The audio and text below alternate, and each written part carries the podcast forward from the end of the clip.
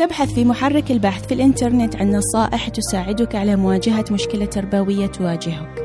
ولا تزداد إلا حيرة وقلقا وبدلا من أن تشعر بالإطمئنان تزداد توترا وتمتلئ بمشاعر تأنيب الضمير. معكم ابتسام الوردي وأقدم لكم بودكاست وعي وتربية.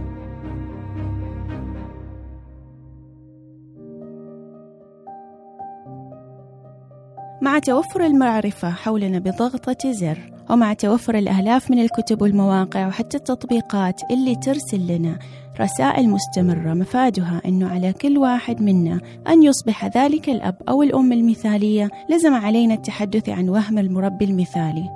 عند تصفحك لمحرك البحث جوجل يمكنك ملاحظة المئات من المواضيع اللي عنوانها يقول مثلا صفات الأم المثالية أو كيف تصبح المربي المثالي. أو عشر صفات تجعلك أبا مثاليا إلى آخره من العناوين اللي يفترض أنها تعطيك حلول لتصبح مثاليا. والحقيقة أنه لا يوجد مرب مثالي. فكرة المربي المثالي خرافية وها قد قلتها وكل ثقة بذلك.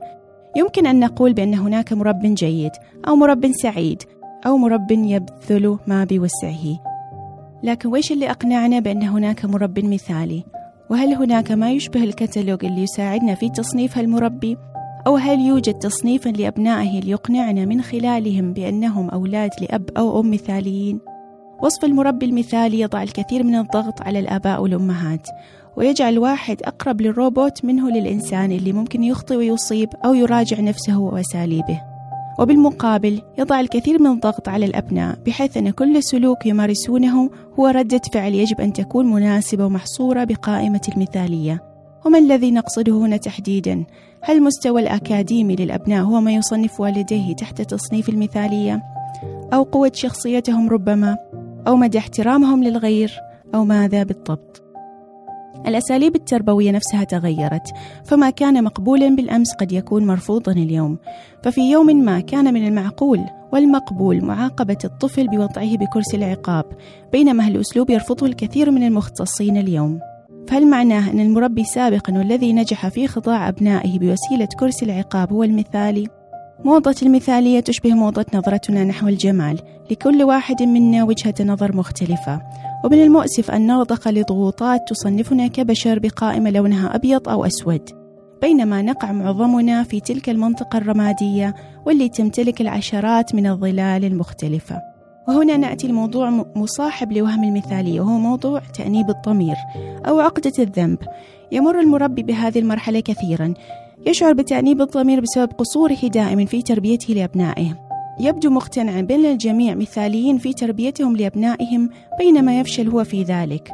وتعاني الأمهات من عقدة تأنيب الضمير بشكل أكبر من الآباء لأسباب كثيرة منها الصورة المثالية اللي ترسم للأم والضغط الهائل عليها لتربي أبنائها أحسن تربية.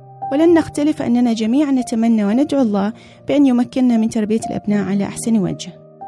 ويمكننا استبدال فكرة المثالية بفكرة أخرى وهي تمكين الأبناء. تمكين الأبناء ليواجهوا العالم بطريقة فعالة. يمكننا تمكينهم بالعمل على تطوير ثقتهم بأنفسهم.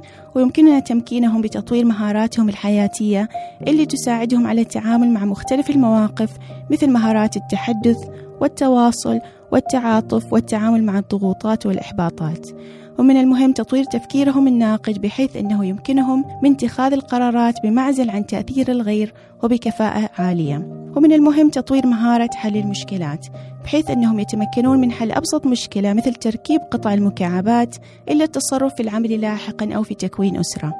وقبلها كلها يأتي أهمية الحب والرعاية. حب المربي لأبنائه لا يمكن أن يفسدهم بل العكس يغذيهم نفسيا ومعنويا وجسديا ويساعدهم على مواجهة العالم الخارجي بقوة وثبات. اعمل على أن تكون أنت اليوم مع أبنائك أفضل مما كنت عليه بالأمس واترك لنفسك فرصة التعلم والانفتاح على التغيير لتصبح بالغد أفضل مما عليه اليوم. فأولادنا لا يحتاجون لآباء أمهات مثاليين يكفيهم أن لا نؤذيهم فقط.